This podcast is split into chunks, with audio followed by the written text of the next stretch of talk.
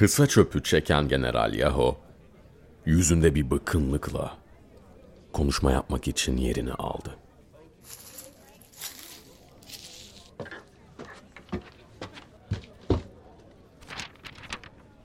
Yeşil Sur'un meşhur keşif kumandanı Zagre dün gece yüksek ateş sebebiyle hayatını kaybetti. Ömrünü bu göreve adayan Zagre sayısız operasyonu başarıyla yürüttü ve Yeşil Sur'u tehditlerden arındırdı. Yüre'de doğmasa da hepimizden daha iyi bir Yüreliydi. Zagre'nin donuk cesedi meşe odunlarıyla sarılmıştı.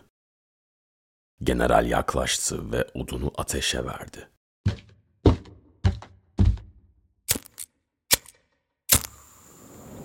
Ölü beden hızla tutuştu ve yanmaya başladı.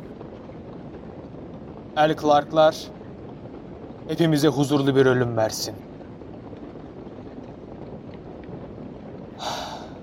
Zagre'nin ruhuna da rehber olsun.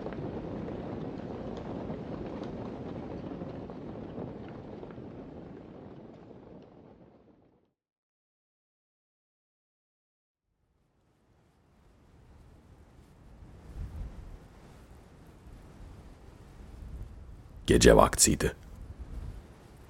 Yağan yağmurun kokusu hala geçmemişti. Erlus ve Volov zehirli bölgeye bakan bir gözcü kulesinde nöbetteydiler. Sen çıkarken Ren uyuyor muydu? Evet. İyi. Gece bir ara uyanmıştım. Yan yataktan beni izliyordu. Gözleri... Gözleri kıpkırmızıydı. Acaba... Acaba bir çocuğum olsaydı bana benzer miydi? Gözlerini benden mi alırdı yoksa annesinden mi alırdı? Kız mı olurdu, erkek mi olurdu? Kesin uslu olmazdı ama. Ondan eminim işte bak. Ya da ya da küçükken okula gitsem.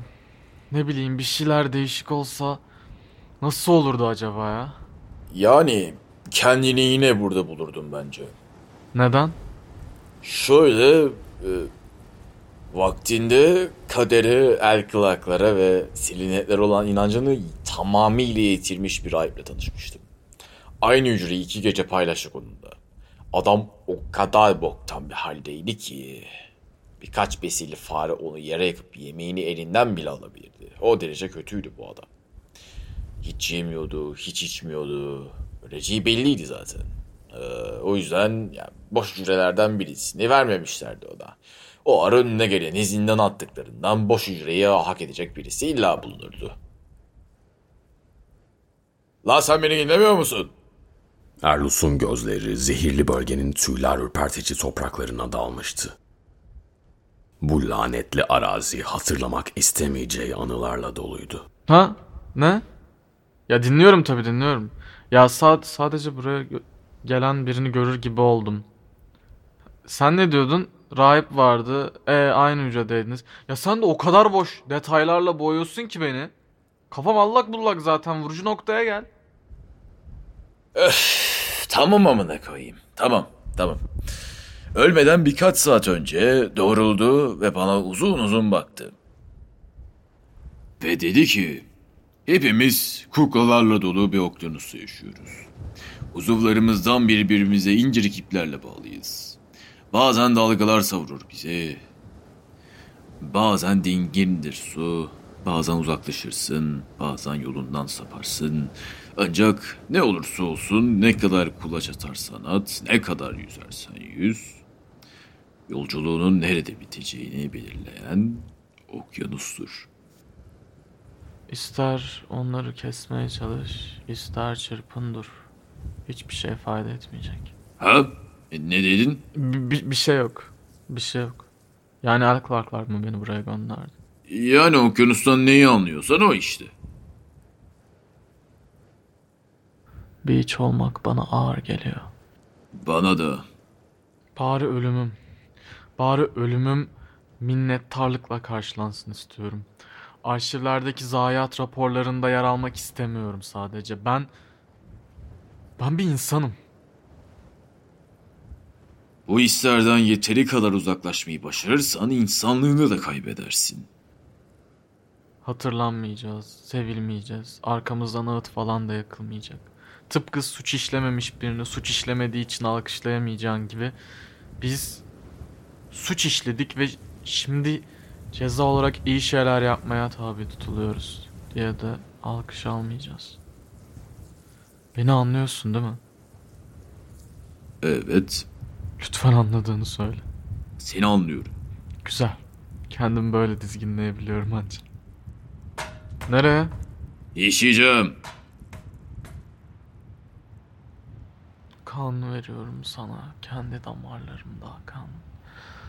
Bir de sükunet bahşediyorum sana. Korucuların saf benliğinde yatan.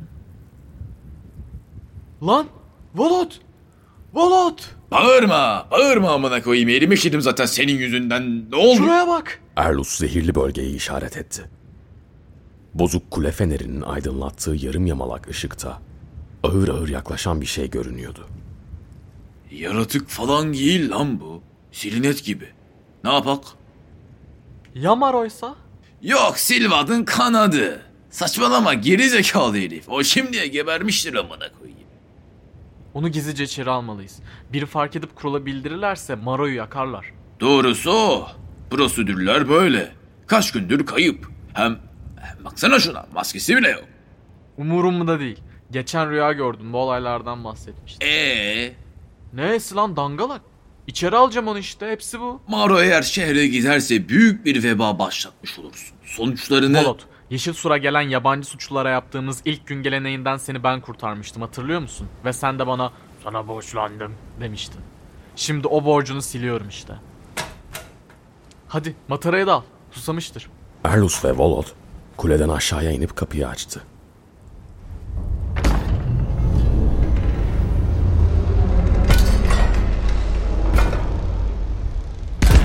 Gelen kişi gerçekten de Maro'ydu. Çıplaktı. Gözlerinin altı uykusuzluktan çökmüş. Dudakları ise kurumuştu. Ancak her şeye rağmen hayattaydı. Onun bu halini gören Erlus hemen sırtındaki pelerini çıkarıp ona verdi. Yaşıyorsun lan. Yaşıyorum. Şunu al susamışsındır. Kamptan kaçtığında diğerleri gibi öldüğünü sandık. Nasıl hayatta kaldın? Sabret biraz ya. Baksana nasıl yorgun düşmüş. Bırak da biraz dinlensin. Boş ver sen Volut. Tam olarak ben de idrak edemiyorum. Hmm, Başıma gelenler yani.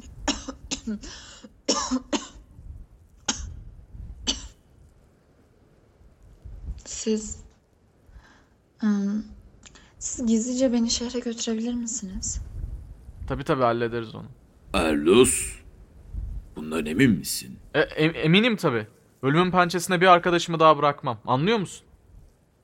Sağ olun. Gerçekten, gerçekten çok teşekkür ederim. Tamam tamam uzatma. Sabah olunca buradan suçluların falan taşında bir kanı gidiyor şehre. Atları süren herif tanıdık. Bir de bazen gizlice şehre gitmek için kullanıyoruz bunu biz. Bu iyiliğinizi asla unutmayacağım. Sana kıyafet falan ayarlayalım gel.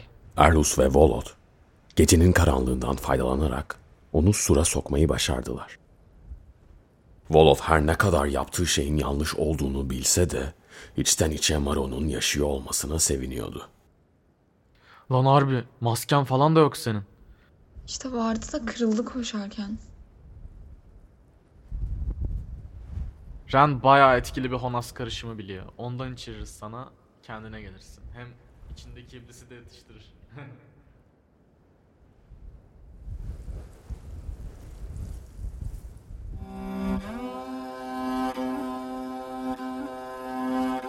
Ongut topraklarında yetişmiş ünlü, efsanevi kadın savaşçı Bürçe der ki, kayıp kuruntularda boğulmaktan korkuyorsan en azından rüzgarı dinleyecek kadar cesur.